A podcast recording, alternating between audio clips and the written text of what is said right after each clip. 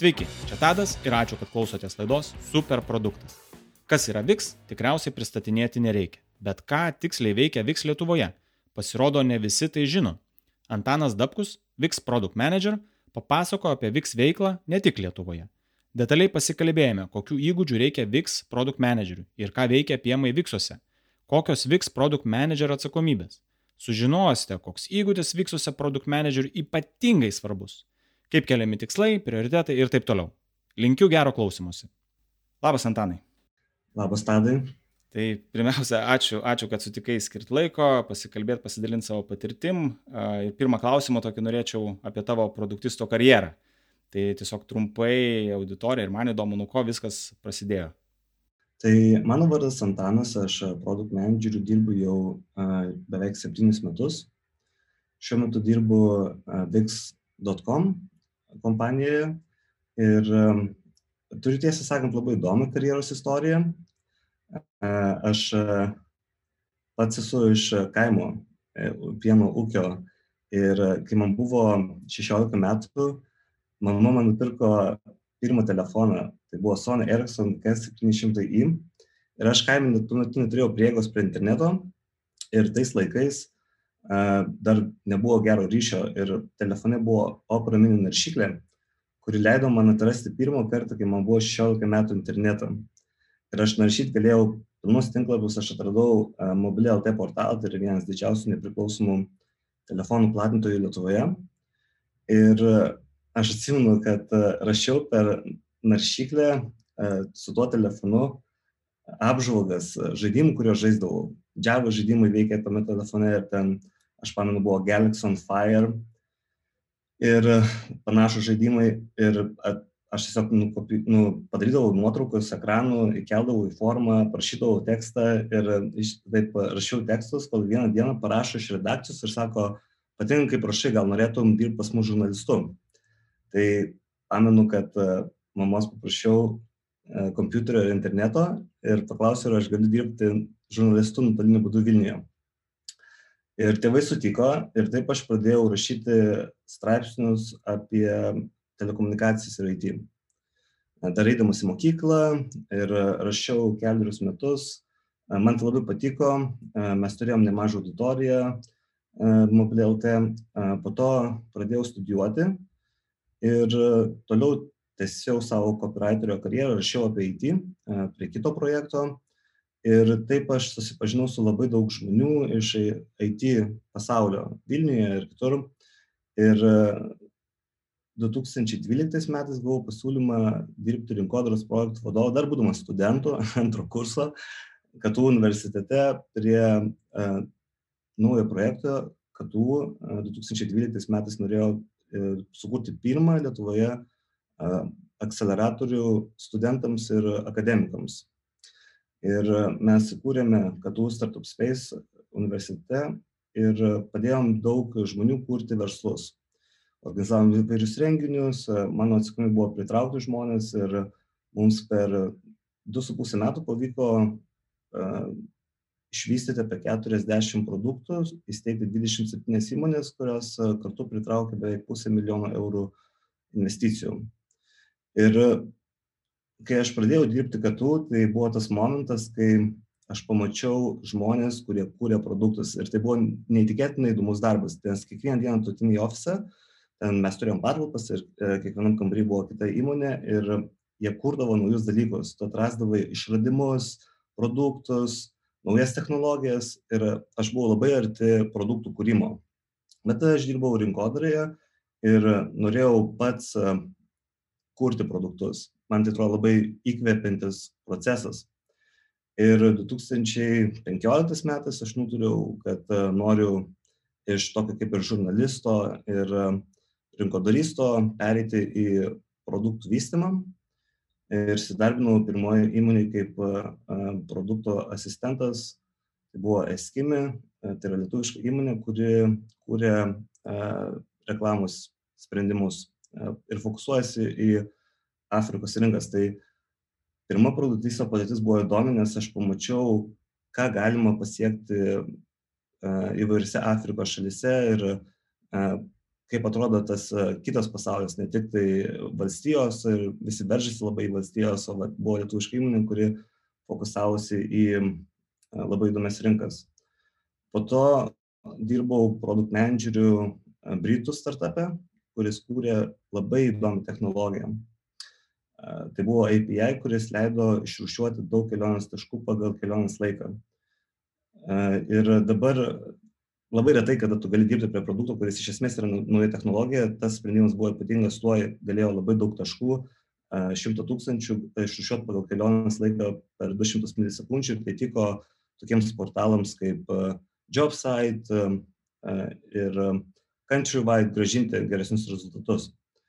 Ten buvo labai įdomi patirtis, labai daug išmokau ir prieš trejus metus prisijungiau prie VIX ir mano produkt managerių kelionė tęsiasi toliau. Okay, labai, labai įdomus, toks nuo mokyklos suolo, žodžiu, produktistas praktiškai, ne? Aš visada buvau aplink produktus ir kas mane labiausiai žavėjo, ypač žmogui, kuris buvo įstrigęs vienkėmėje, tai kad tas telefono ekranas buvo kaip stebuklų dėžutė tu jį atsiverti ir turi informaciją iš viso pasaulio, naujienas, kaip kas vystosi. Ir tai mane labai įkvėpė ir turbūt nuo pat to meto aš ir noriu kurti tokius sprendimus, kurie padėtų žmonėm ir įgalintų juos kažką padaryti. Papasakau, prašau, apie VIX. VIX tikriausiai daugelis žino, didelė, didelė įmonė, ne? tai aišku, savo lūpom galėtum papasakoti. Mane toks šiaip klausimas, aš kai užeinu į Viksną, man tradiciškai Viksas yra interneto puslapių kūrimo platforma. Bet jeigu ten pasigilini, tai ten visko yra. Ten ne, ne tik tai interneto puslapį gali susikurti, ne? Ką, ką moka bendrai paėmus Viks, taip galėtum at, kažkokiais blokais, kategorijom galbūt įvardinti? Taip, tai šiandien Viks yra kur kas daugiau negu įrankis kurti tinklapį.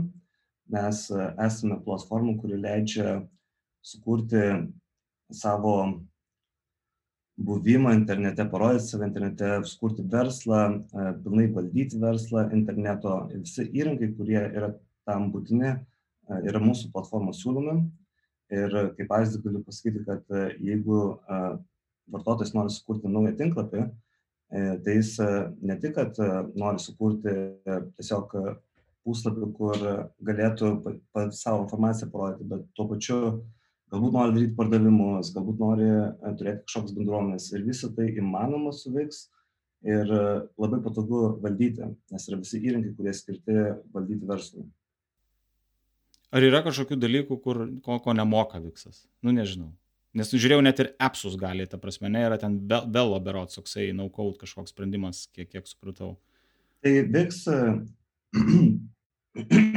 lyginant su kitomis platformomis, Viks turi labai daug funkcijų ir mes lyderiavom pagal tai, ką galim pasiūlyti savo vartotojams. Ir šiuo metu, jeigu norite sukurti tinklapį, tai jau esam pasirengę patenkinti didžiausią dalį poreikių mažų ir vidutinių verslų. Jeigu tu nori turėti kažkokius tai išskirtinius sprendimus ir kažko trūksta VIX įrankėje, tai mes taip pat siūlome programuotojams API, kurie leidžia padidinti mūsų funkcionalumą ir pridėti papildomas funkcijas. Ir iš esmės yra visiška laisvė, ką galima sukurti su VEX. Ir e, tuo pačiu tai dar paprasčiau negu darant uh, nuo nulio uh, su kitais CMS sistemomis ar frameworkais. Ir jo, geras klausimas, ko VIX negali. Tai aš nebijoju, kad yra tų dalykų, bet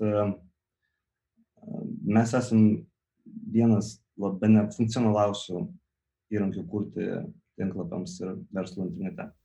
O kokius pagrindinius naudotojų segmentus, taip sakykime, išskiriat? Jau minėjai, maži vidutiniai verslai, kaip apie privačius klientus, nežinau, blogeriai ten, ne, tikriausiai irgi tą gali pasidaryti.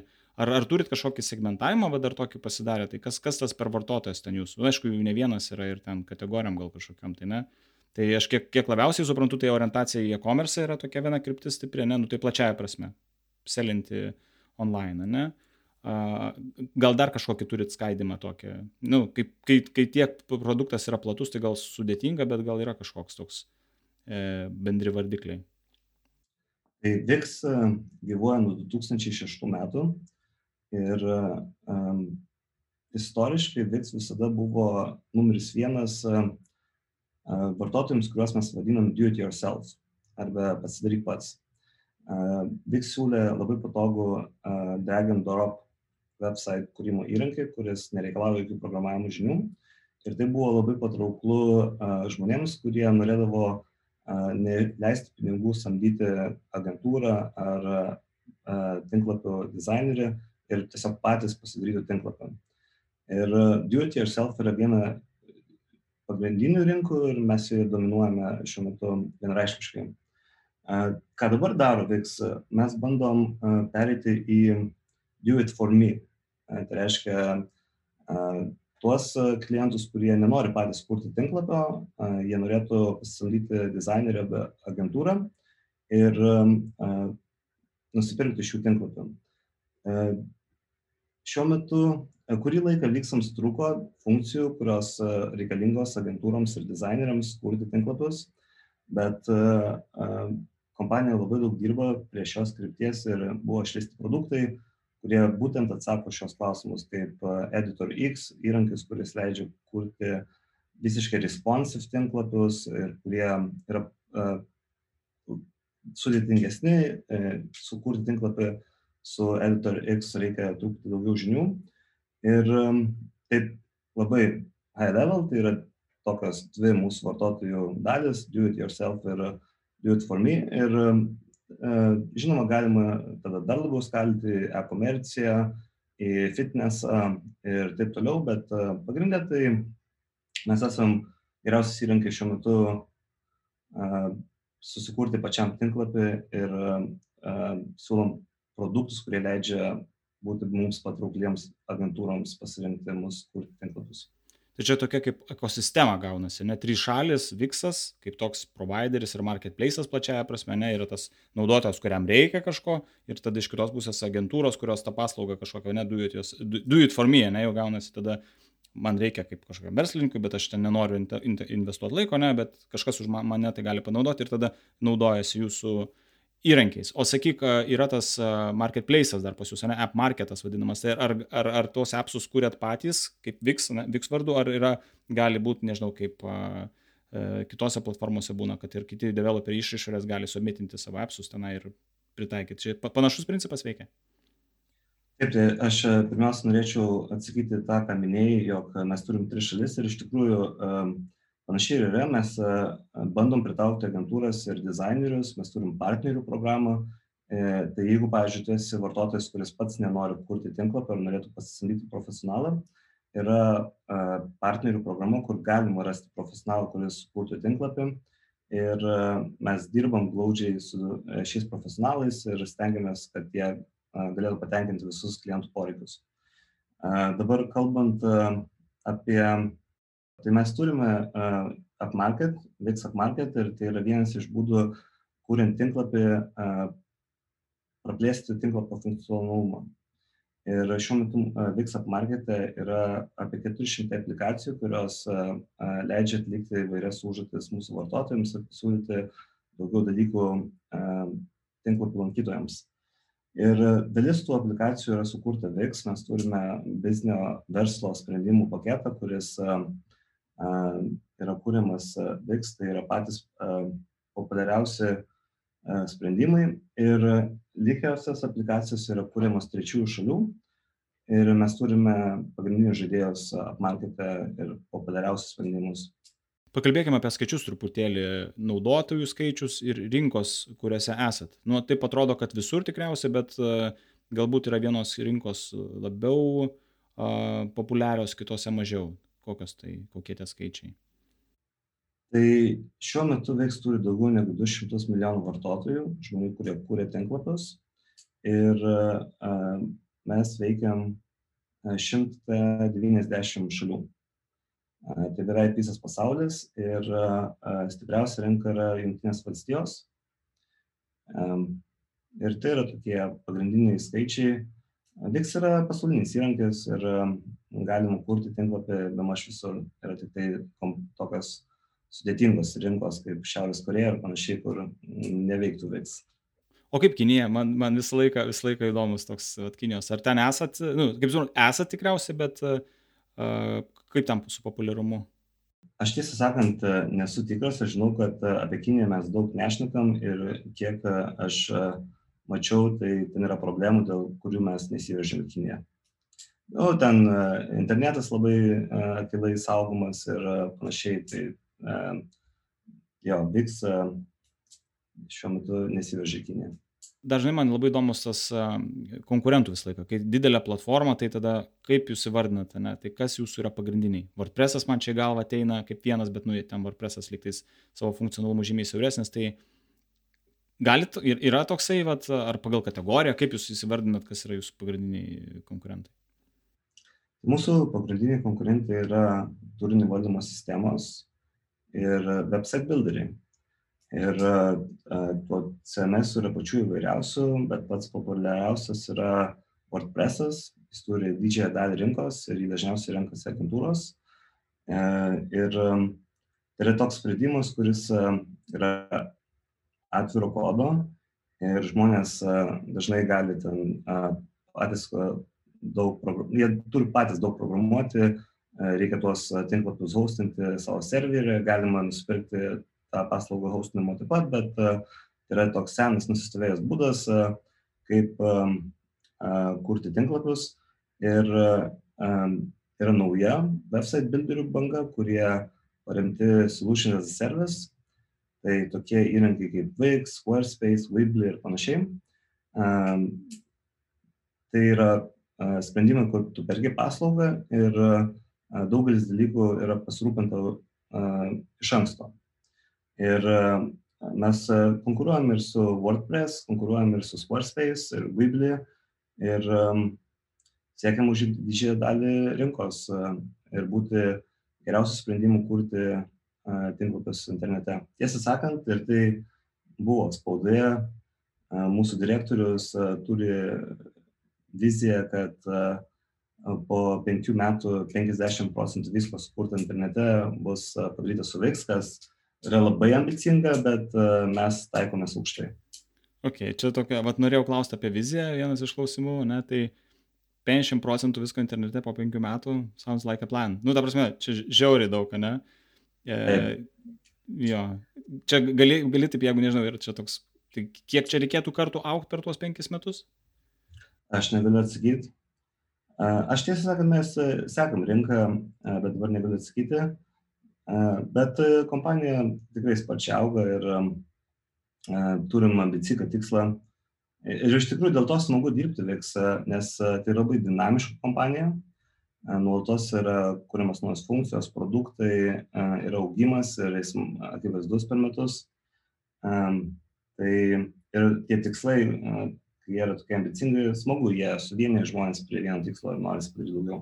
Mm, jo, tikrai toksai, nugalėt vis, viską, ta prasme, užim daug, tai fainai. Aš dar žinai vieną klausimą apie pačią kompaniją. Kalbant, Viksas yra listinguojama kompanija, ten Taip. akcijų biržai. Mane toks klausimas domina, kaip tai įtakoja kasdienį darbą. Nežinau, nu, va, yra vis tiek, ko gero, uh, kai yra vieša įmonė, kažkuo mažiau gali galbūt dalintis, ne, kažkokiais skaičiais, kažkokie insightai, ta prasme, galbūt kažkokie pribojimai, žymiai griežčiau ten žiūri, nežinau, į legal dalykus. Ar tas jaučiasi procese tavo kasdieniam darbe, bet kad yra kompanija, nes gali palyginti, ne, ten ir eskimi dirba ir kitose. Kiek tai jaučiasi, nu, jeigu gali atvirai. Tai um, aš dirbu labai skirtingose kompanijose. Tai VIX kompanija yra, uh, šimtų yra 5000 darbuotojų visame pasaulyje. Ir e, aš dirbau universitete, kuris turėjo kelis tūkstančius darbuotojų ir VIX yra a, e, kita kompanija tokia didelė. Ir yra tikrai didelis skirtumas tarp e, mažesnių kompanijų ir a, turiu pasakyti, kad kas mane nustebino, tai a, labai didelis skaidrumas kompanijos viduje.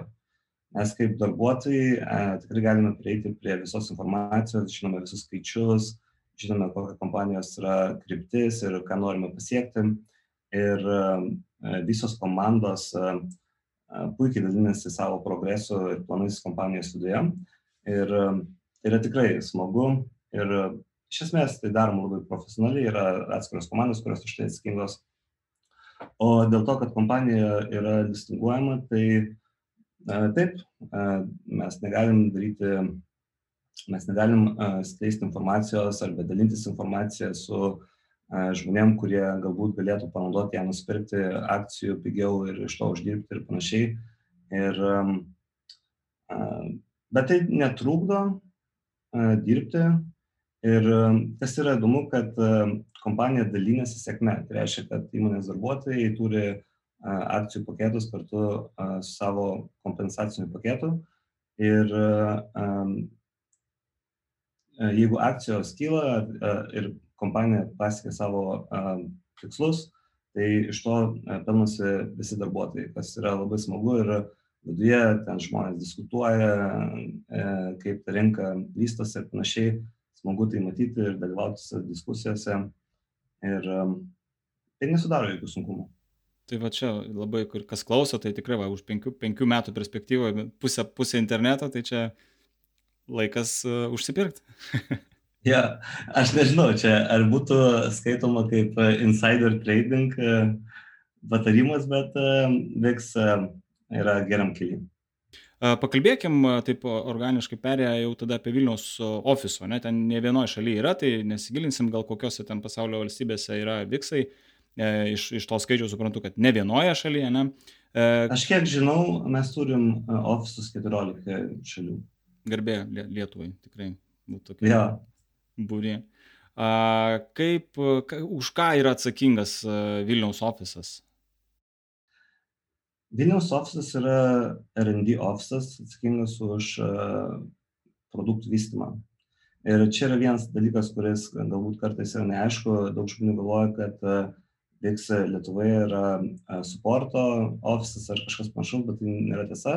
Mes esam kompanija, kuri kūrė produktus ir turim savo produktų vystimo komandas čia Vilniuje.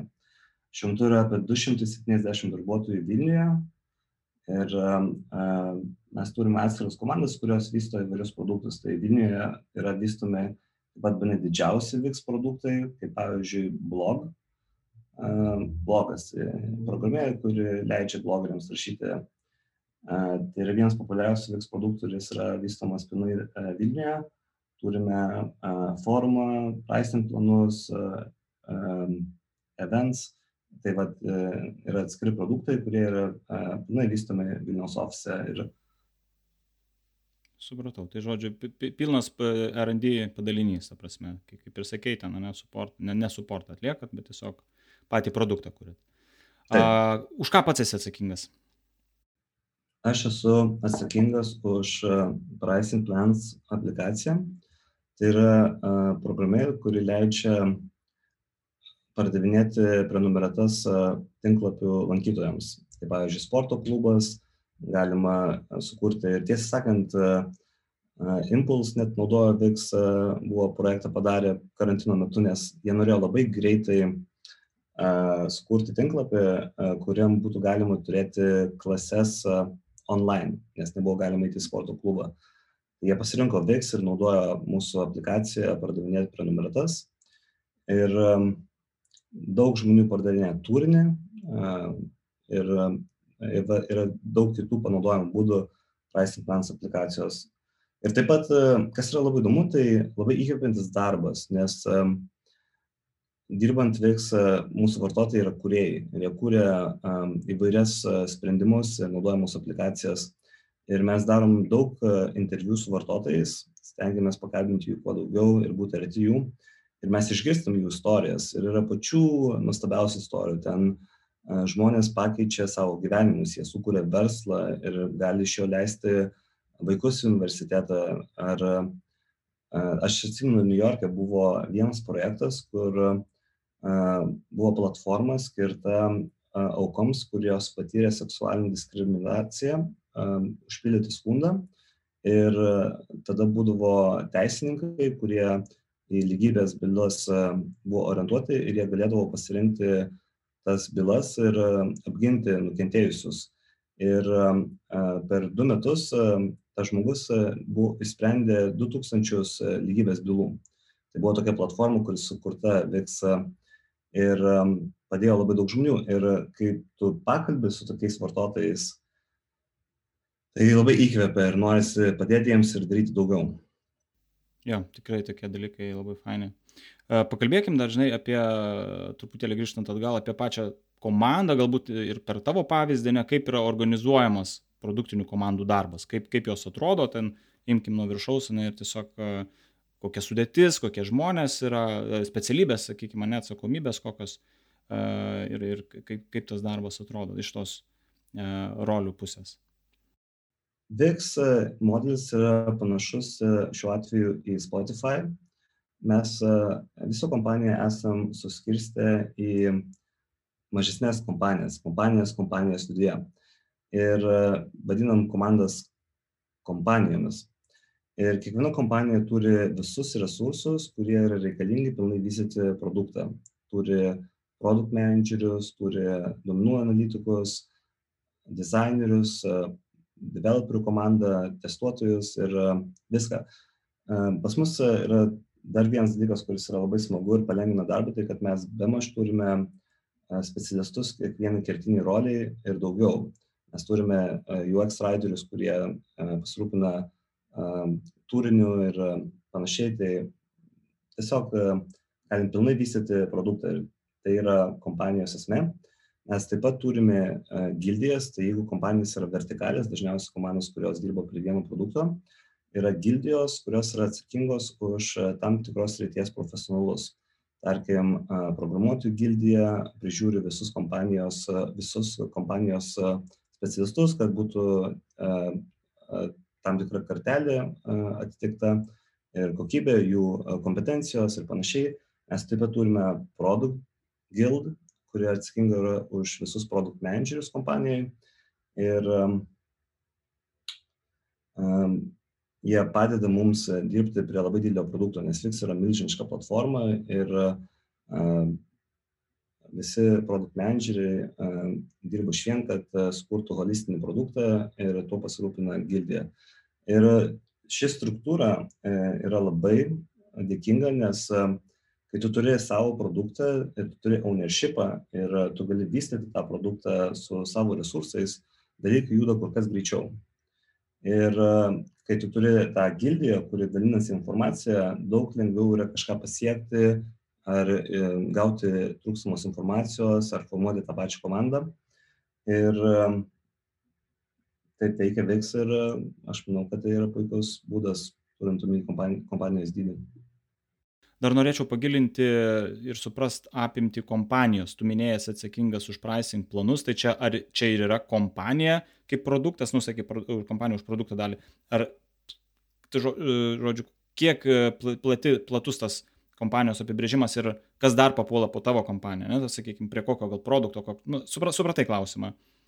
Aš suprantu, tai uh, ta komanda arba kompanija, kaip mes vadinam, dažniausiai būna maždaug 20 žmonių, 20-30 žmonių, tai yra toks kaip ir vienetas, kurį patogu menedžinti ir galima draugiai judėti priekį. Ir kompanija paprastai aunina vieną ar daugiau produktų ir kai plečiasi, skyla į daugiau kompanijų ar komandų ir tokiu principu reikia. Ir ta 20 žmonių tai yra iš esmės tiek žmonių, kiek reikia nuo idėjos iki išleidimo į rinką produktui. Supratau, tai dabar, dabar aiškiau žodžiu, tas skaupas, nes kartais atrodo, kiek kas ta kompanija, gal čia sakau, daug labai žmonių ir paskui įsiskaina. Okay. Ar galėtum papasakot, ką produktistas daro? Nu, vat konkrečiai, ne, gal kažkokia yra ataskaita tavo dailė, ne, ten per, per savaitės prizmę tokiais vat, atsakomybės, sakykime, pagrindinės. Iš tikrųjų, tai labai geras klausimas ir ši rolė labai skiriasi nuo kompanijos ir industrijos ir panašiai. Mes VIX turim jau kaip ir išrastą standartą ir profilį produkt managerio. Tiesą sakant, visi produkt manageriai, kurie prisijungia prie kompanijos, turi perskaityti 70 puslapių ilgio vadovėlį su pagrindiniais principais, ką reikėtų daryti jų darbe. Ir tam vadovėlėje yra apibrėžimas VIX, kad produkt manageris yra tas žmogus, kuris sužino nežinomą. Ir man tai iš tikrųjų patinka ir aš dažnai tą darau darbe, kad sužinau nežinomą ir padedu komandai. Uh, tai, tai taip kalbant, kaip high level, turbūt uh, tą galima pasakyti.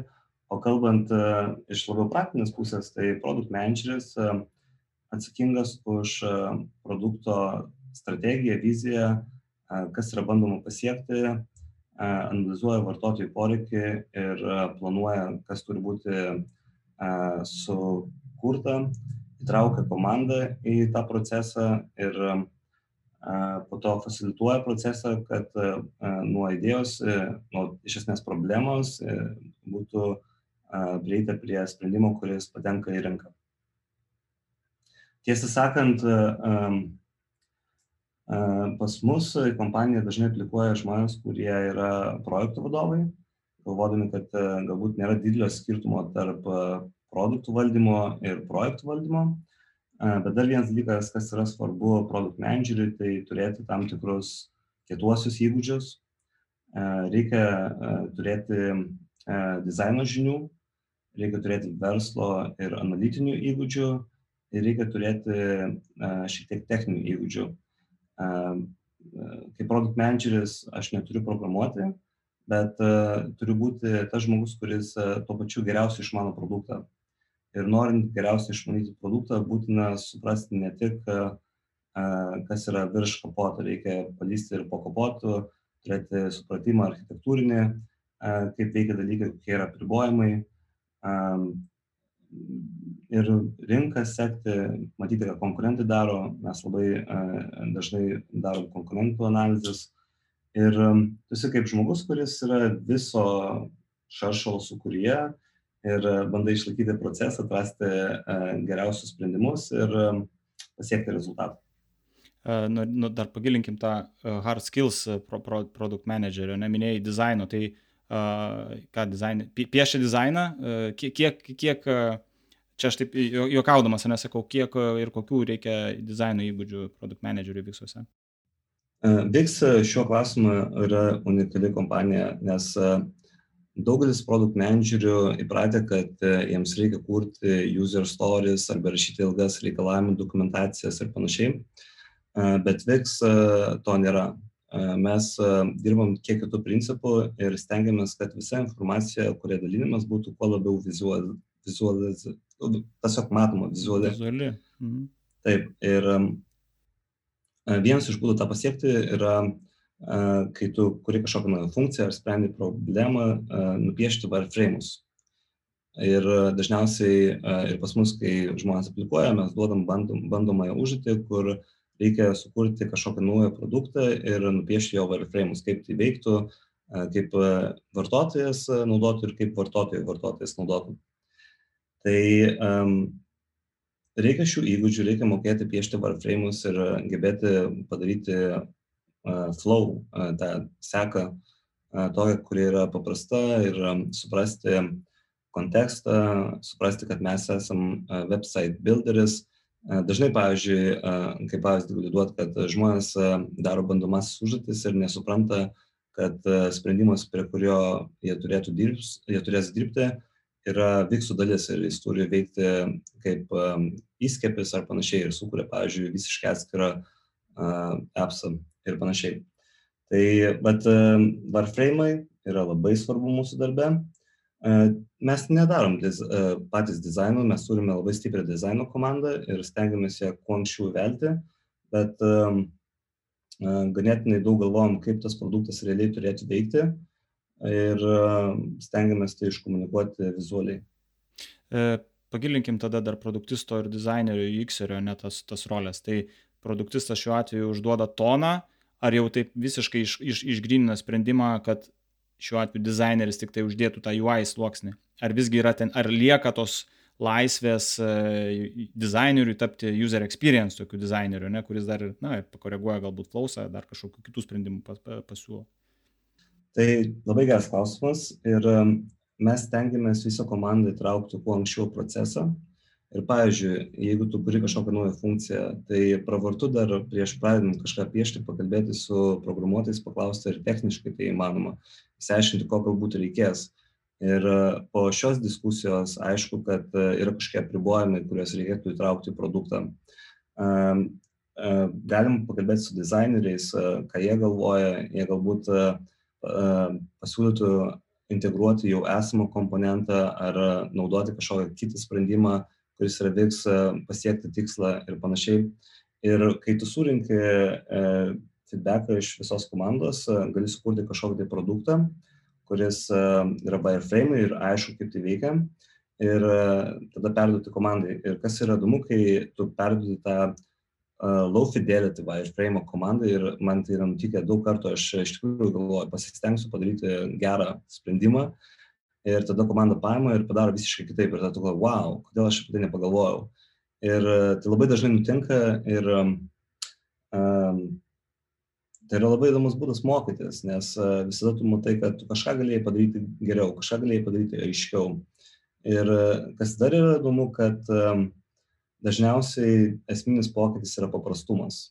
Uh, dizaino komanda, kai jau padaro sprendimą, jis būna labai paprastas, lyginant su tuo, ką galbūt bandė padaryti product managers.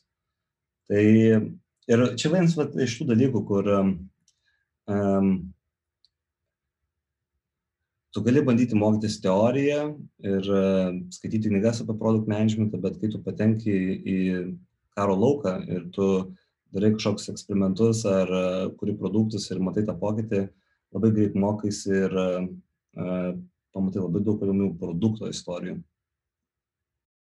Dar viena vieta, kurią norėčiau pagilinti, ta tokia tradiciškai, ne, va, kaip pats minėjai, produktistas, nu tai user story, specifikacijos, acceptance criteria, ten use case ir šitos dalykus jūs rašot, ar čia kažkaip tai liekama development teamui tada tojais taskais pasidalinti, kai jau mato tą vizualinį sprendimą? Mes turime acceptance kriterijus ir yra būtina aukšta kokybė. Mes esame platformų, kurie vartoja milijonų vartotojų. Tai pavyzdžiui, mes privalom pasirūpinti, kad mūsų produktai veiktų ir vartotojams, kurie neįgalus, turi regos sutrikimų ir panašiai. Ir yra daug tokių kriterijų ir čeklistų, kuriuos mes turim užtikrinti, kad padarom. Bet dažniausiai ten, tarkim, programuotojai pasirūpina, kad tai, ką jie padaro, atitiktų standartus ir uh, testuotojų komanda irgi tuo rūpinasi. Ir mums dažniausiai reikia galvoti, ką reikia padaryti, o kokybė dažniausiai mes kaip produkt manageriai visada siekiam kokybės, bet dažniausiai didžiausias pušas kokybėje ateina iš pačios komandos. Deliverio jau, ne? Bet vis tiek, stil dar tada noriu išgirsti ir suprasti user story kaip tokie, Confluence'as, Jira, dar kažkoks bet kitas įrankis, kuris būtų. Ta jūs patys, ta prasme, su, su breakdown'e, tai yra kažkoks featuresas, ne, va, tie patys planai ir kažkokį reikia featuresą, kažkokį tai togulą, mygtuką ar kažką tai, kuris kažką padarytų, ne, tai ar apsirašinėja detaliai, ar tiesiog, ir ką noriu paklausti, koks yra tas e, artefaktas, kurį atiduoda delivery programuotojų komandai, kaip, kaip produktistai. Tai programuotojų komandai atiduodam aiškius dizainus ir reikalavimus. Iš tikrųjų yra daugiau visko. Tai yra čia daug klausimų. Uh, nes mes kaip e, produkt menedžeriai, tai e, Dixose e, dažniausiai nekuriam produktų babkiumą. Mes turim labai daug vartotojų ir turim labai duomenų, ko jiems reikia. Ir kompanija seka tuos skaičius ir analizuoja, kad priimtų geriausius sprendimus. Mes analizuojam savo vartotojus, analizuojam savo uh, top vartotojus, turime customer care komandą, kuri klausosi mūsų vartotojų, ir nuolatos sako, ko jie prašo, tuos duomenys struktūrizuojam, tuos specialius įrankius, kur mes e, galime atsidaryti ir matyti, kad e, šitas produktas turi e, tokius funkcijų requestus, tiek yra balsų, tiek yra žmonių, kurie nori to. Ir mes turime informaciją apie usability problemas, kurios, nuo kurių kenčia vartotojai. Ir visą šitą informaciją tiesiog paimam ir bandom pasirinkti, ką spręsti ir kada. Ir paprastai siekiam labiausiai prisirpusių obuolių, kurie kabo žemiausiai. Tai yra, ką galim padaryti greičiausiai ir atnešti didžiausią vertę. Tai irgi įvertinam prieš darant. Tada kūriam uh, tuos produktus ir funkcijas. Būna ganėtinai detalios prezentacijos, kur yra visa informacija, kokia yra problema, dabartinis kontekstas, galbūt konkurentai, skaičiai, kas nuo to kenčia, e, koks yra, ką reikės norint pasiekti tą, galbūt reikės kitų komandų pagalbos tuos sprendimus dažnai mes suskystom į skirtingas fazes ir jeigu mes galim kažką padaryti greitai ir jau padėti ir po to vėliau pridėti papildomą tikslumą, tai mes tai išdėliojam, padarom tos warframe'us ir tada perdom dizaino komandai, jie sukuria puikų UX-ą ir tada to imasi programuotojų komanda ir įgyvendina sprendimą, kuris vėliau dar yra peržiūrimas QA komandos ir mes galop bandom išleisti rinką ir taip pat matuojam, darom įvairius AB testus ir lyginam mūsų kaip naujas funkcijos įtakoja vartotojus ir skaičius, kol randam geriausią sprendimą. Tai daugmaž taip ir ką jau gaunam programuotojai, tai būna ir ta, tas visas kontekstas ir dizainai ir Tai yra viskas pristatoma, aptariama, atsakoma kertiniai klausimai ir panašiai. Dar vienas dalykas, ką daug darom, tai kaip kaip produkt manageriai, stengiamės galvoti apie produktus, taip vadinamą API first, kad mes kūrėme nebūtinai kažką, kad tu gali apčiopti, bet logiką, kuri leidžia pasiekti tam tikrus tikslus. Ir dažnai uh, nuo to ir prasideda mūsų produktų darbas. Ir nu, vienas iš pavyzdžių yra Amazon Prime, tai yra berots du, dvi platformos, shippingo ir subscription sujungtos į vieną. Anksčiau buvo atskiri produktai, bet tada suprato, kad galima du API sujungti vieną ir pasiūlyti naują produktą. Tai vyks, mes irgi tai darom ir pirmiausia pradedame nuo APIs ir tada uh, stengiamės judėti į kažkokį produktą, kuris galėtų būti naudojamas mūsų vartotojų be jokių programavimo žinių ir panašiai. Ir kas yra įdomu, kad tai leidžia mums sukurti įrankius, kurie labai lankstus, nes vartotojai gali pasidaryti viską, ko jiems trūksta su programavimo įrankiais. Tai produktisto rolė tokia gaunasi prioritetų nustatymo, aiškiai iškomunikuoti, kodėl reikia kažkokių tai dalykų ir tada tą visą atiduoti delivery programuotojų komandai. O programuotojai patys ar dirba tradiciškai, nežinau, skramų, ten sprintais kažkokiais, ar yra tokios tiesiog iteracijos įvertinama, kad tam tikram funkcionalumui reikės, nežinau, trijų savaičių ir tada deliverinama. Kaip, kaip atrodo tas uh, jau pats delivery darbas? Tai e, kiekviena komanda, kadangi mes veiks turim tas kompanijas, atskiras komandas ir pas mus yra laisvė kiekvienai komandai pasirinkti geriausią būdą valdyti užduotis ir taip pat mes turime visišką laisvę pasirinkti įrankius kurie padeda pasiekti tikslus planavimo ir panašiai aišku infrastruktūros sprendimai ir taip toliau tai yra bendri bet mes visiškai galim patys nuspręsti kaip mes valdom savo procesus Ir tai labai priklauso, kai kurios komandos dirba vienos savaitės sprintų, kitos, savaitės, kitos komandos renkasi ilgesnius sprintus. Ir visą, ką mes darom, mes stengiamės suplanuoti, atspėti staigmenas kelyje ir išsikelti kažkokį tai tikslą, kad per tiek ir tiek laiko mes pasieksim tos rezultatus, planuojam ketvirčius ir tada ten turim tikslus, kuriuos suskaldome į mažesnės užduotis, tada jas įtraukiame į sprintus ir panašiai ir bandom suplanuoti, kiek tai truks laiko. Tai visas šitas procesas jis yra labai organiškas, jis yra, nėra, stengiame, vengiame biurokratijos ir fokusuojamės tiesiog į, kad padaryti. E, žiūrėjau tavo tokį video, kur dalinaisi mintimis apie user researchą. Nu, kaip, kaip jūs iš naudotojų gaunat kažkokius tai feedbackus, ne, ten. Tai aš norėčiau dar truputėlį tą dalį pagilinti ir, ir kad papasakotum auditorijai, klausytojams. O, o mane domina klausimas tada, koks pagrindinis yra skirtumas ne, tarp user researcherio, to user tyrėjo ir produktisto. Nes ir produktistas turi kalbėtis ne, su, su naudotojais ir user researcher, nu, user tyrėjas, ne, tyrimų žmogus. Uh, Tai jo, kaip tai atrodo ir paskui kokie tie skirtumai. Čia labai geras klausimas ir įdomus klausimas, nes uh, Vikstuose uh, mes turim UX komandą ir UX researcherių mes turim labai nedaug. Ir iš esmės taip yra dėl to, kad norime, jog produkt manageriai patys būtų kuo arčiau vartotojų. Ir mes esame atsakingi už tuos vartotojų tyrimus. Tiesa, kartais, kai turi tai pats daryti, yra sunkiau, nes UX researchas yra atskira disciplina ir yra įvairūs tyrimo būdai, kiekybiniai ir kokybiniai. Ir mes visus šitos dalykus darome ir pasitelkam komandos pagalbą. Tai pavyzdžiui, kokybiniai tyrimai, tą galima traukti customer care ir gauti informaciją, kuo skundžiasi vartotojai, kokie yra jų skausmai ir tą informaciją agreguoti ir turėti labai gerą vaizdą, kas iš tikrųjų dedasi. Galima daryti kiekybinius tyrimus, žiūrėti, kaip mūsų vartotojams sekasi daryti pardavimus ir ar kaip veikia vienas ar kitos funkcijos. Galima analizuoti skaičius, ieškoti tam tikrų tendencijų, pavyzdžiui, mūsų vartotojai kiek dažniausiai su pricing planais sukuria planų pasiūlymų.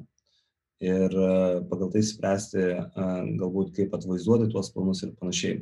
Tai visą šitą mes darom ir darom kaip product manager, pasiliekam komandą, dizainerius ir tas user researchas yra labai gilus ir aš sakyčiau, tai yra viena iš kompanijos stiprybių.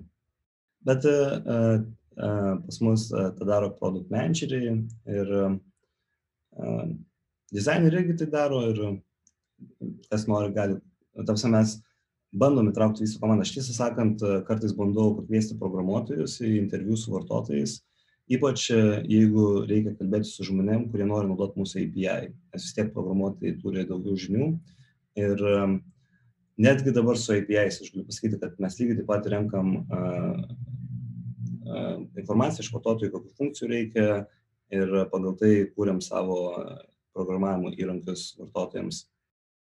Kaip sekasi prikalbinti programuotojus e, pasikalbėti su naudotojais žmonėm? Nes, na, nu, tradiciškai toks stereotipinis yra, ne, kad programuotojai nu, vengia ten, sakykime, ne, kalbėtis ir galbūt nemėgsta tiesiog išeiti. Nu, čia tokių klišės, ne? Bet Viksuose ta kultūra yra kitokia. Ir va iš tavo to video, ne, kur pasakoja apie user researchą, e, berots vadovo frazė ten buvo, ne, Vikso, kad nori, kad kiekvienas žmogus šnekėtų nu, ta prasme, kalbėtų, kiekvienas darbuotojas eitų pas userį ir šnekėtų ir suprastų. Nu, čia toks siekimybė, ne tokia. Tai kaip, kaip su programuotojais, taip, nu, kasdien, ar, ar, ar jie, aišku, tikriausiai rečiau įsitraukia, aš įsivaizduoju, bet, bet yra, yra toks noras.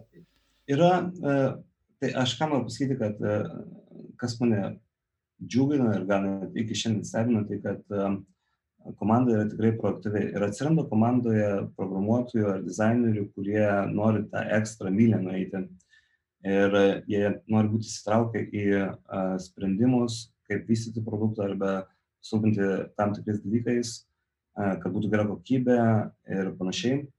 Ir jie lygiai taip pat nori suprasti, nes kad tu galėtum būti įsitraukęs ir tikrai auninti tai, ką darai, tu turi suprasti, kas yra tas produktas. Ir dėl to jiems įdomu ir aš dažnai siunčiu savo komandai uh, kažkokį tai grįžtamą ryšį iš vartotojų, kažkokias pastabas ir e, programuotojai komentuoja, e, bando padėti atsakyti ir panašiai. Ir dėl tų įtraukimų į pokalbius gal tai yra kiek sunkiau padaryti, nes e, programuotojų laikas yra labai brangus. Tai yra didžiausias blokas. Iš esmės, turbūt vat, suprasti, ką daryti ir tada padaryti yra du esminiai dalykai, tai vat, programuotojai dirba ties to padarimu ir tu stengiasi uh, vertinti jų laiką. E, bandai kuo mažiau susitikimų, nes yra tas konteksto pakeitimas, jisai to turi grįžti ir panašiai. Tai e, aš jeigu jau ir kviečiu į tuos pokalbius, tai dažniausiai siekiu, kad e, ten būtų kažkokia problema, kuri kiek labiau aktuali programuotojui ir jam būtų įdomu. Bet nėra problemų, dėl to ir tikrai manau, kad tiek techninė komanda, tiek kiti yra įsitraukę į produktą labai stipriai. Dar norėčiau paliesti tikslų temą. Kaip, kaip nustato tikslus, tai čia toks vienas klausimas ir kokie tie tikslai būna, kaip, kaip juos nustatot, kokie, nežinau, iš produktinės perspektyvos, revenių galbūt yra tikslai, ką stebit ir panašiai. Tai sakau, 50 procentų visko internete, kad kur ten veiks. Nu, okay, čia, čia toks. Bet um, dėl tikslų tai irgi yra uh, gana tikrai skaidru, mūsų darbuotojai, jie žino, kokia yra komando, kompanijos strategija, paprastai tai būna iškomunikuojama ir būna paaiškinama, kad mes sieksim padaryti tą, tą, tą, dėl to ir dėl to. Ir tu paskaitai tokį high level ir tada tu dirbi savo komandą, kad suprasti gerai, kaip tavo vystomi produktai galėtų padėti pasiekti tuos tikslus ir vykdai iš esmės tos tikslus, tai tokiu principu. Ir, ir smagu, nes bent jau kaip aš viską matau, tai tai, ką aš darau ir ką mūsų komanda daro, labai gražiai įkrenta į bendrą paveikslą, ką bando pasiekti VIX. Ir dėl to problemų nėra. Ir dar kas ir įdomu, kad netgi kartais darbuotojai bando patys padėti ir e, iš savo patirties siūlo kažkokias produktų idėjas, ką galima sukurti naujo, kas galėtų nešti naudos, kaip galima palengvinti, arba bando atrasti būdų, kaip atvesti daugiau vartotojų ir strategijų ir panašiai. Tai tokio principo. Iš esmės, nuo viršaus, kokia yra kompanijos strategija, tada mes kaip nepriklausomos komandos sugalvojom, kaip tai pasiekti ir taip nustatom tikslus. O ar naudojat kažkokį frameworką, kaip nu, labai populiarus OKR yra, ne, ta prasme, ten ketvirčiais įsikelit ketvirčio tikslą kažkokį produktinį, ten gerint kažkokią tai metriką, ar, ar yra truputėlį laisviau tiesiog tikslas, nors staras kažkoks ir važiuoja? Tai kaip uh, kompanija, kuri Nasdaq pardavinėja akcijas, mes turim įvairius tikslus, ten finansinius ir uh, taip toliau, ir visą tą reportuojam ir kompanija siekia šių dalykų, tai čia kaip ir savams suprantamas dalykas. Visos komandos viduje dar turi savo produktų kažkokius tikslus ir ką bando pasiekti ir jų siekia ir komunikuoja, kokie yra tikslai. Kalbant apie okearus, mes tokių neturim, mes iš esmės fokusuojamės į produkto tikslus. Ir dar vienas dalykas, kas yra smagu, tai kad nu, nėra pas mus, pas mus yra tikrai aukšto lygio profesionalai, mes turim labai stiprias atrankas bet tai leidžia turėti tokias komandas, kur yra labai geri darbuotojai, aukščiausio lygio profesionalai. Ir su tokiais darbuotojais yra lengva, nes tikrai nereikia ten jokių papildomų performance'o KPIs darbuotojams arba komandoms, nes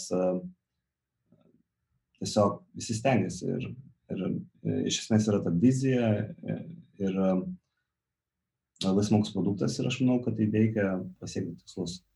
Čia brandų žmonės, brandžios komandos, jos tampa autonominės, e, vedamos kažkokio tikslo ne, ir tada sėkmingai važiuoja. Taip. Aš dar norėčiau. Tiesa, dabar pas mus, e, dabar, e, sakant, VIX daro šaunų dalyką, šiuo metu Vilniuje labai sparčiai plečiamės ir nesnai buvo tokia programa VIX Grow, tai pasamdėm daug jaunų profesionalų, programuotojų, kurie dar yra studentai ir produkt managerių pasamdėm, kurie yra studentai kaip praktiko produkt managemento. Tai VIX ne tik yra patyrę, yra patys įvairiausi žmonės, labai skirtingi žmonės, ir, bet yra gana aukšta kartelė ir tikrai aukštas profesionalumo lygis dar vieną klausimą norėčiau paliesti apie prioritetus, nes iš, iš tavęs supratau, kad e, produktisto yra ta rolė svarbi, šiaip visur jinai yra svarbi, neteisingai nustatant, bet fiksuose jinai tokia ypatingai, ne, iš skirtingų šaltinių suagreguoti viską ir, ir tada timui aiškiai perduoti. E, ar pats turi kažkokią mėgstamą, nežinau, prioritetų nustatymo frameworką? Vat kaip, kaip aiškiai paskaičiuot, kad nebūtų tiesiog, ne, iš ten iš piršto laužta, kažką naudoji tokio?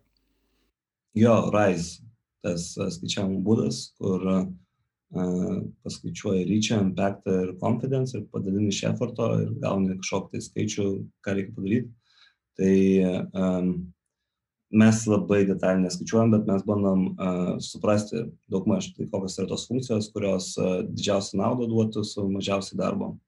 Ir tokiu principu uh, bandom prioritizuoti, tai yra strateginiai tikslai, uh, mūsų vartotojų poreikiai ir taip toliau, bet uh, visą tai eina į RAIS. Ir kai mes kažkokias funkcijas darom, tai um, galvojam apie ryčią uh, ir kaip pavyzdį galiu pasakyti, kad um, uh, galvojam apie impact ir confidence. Ir kaip pavyzdys galiu pasakyti, kad uh, kai prasidėjo uh, pandemija, tai labai aukštai sąraše labai greit šoko planų suspendavimas, nes visi sporto klubai norėjo suspenduoti narystės. Ir e, tada vat, e, staiga dalykas, kuris galbūt galėjo palaukti kelis metus, tampa svarbiausia funkcija, kurią reikia išleisti. Ir e, taip reaguoja į rinką ir į strategiją ir tikslus ir pasirinka geriausias funkcijas, kuris reikia kurti. O kaip tas dažnumas atrodo, nu, prioritetai tai kažkokiam planavimui paprastai reikalingi, ne? Tai ar jūs darote roadmapą, nežinau, ketvirčių, pusmečių ir koreguoja ten kas, kas kažkokius, tai kas kažkokį laikotarpį, ar, ar yra tokie labiau ad hoc, nu, tokie, bet kai reikia pasiplanuoti kažkoks releasas ir panašiai. Kaip atrodo, tai yra kada uh, ir kokiam aplinkime yra tie prioritetai svarbus, prioritetų tas vat, metodas NRIs ir ar, ar tai susiję tada su roadmapų nustatymu, kad vat, tam tikrus dalykus mes čia planuojam, nežinau, tris mėnesiai, pusmečiai į priekį.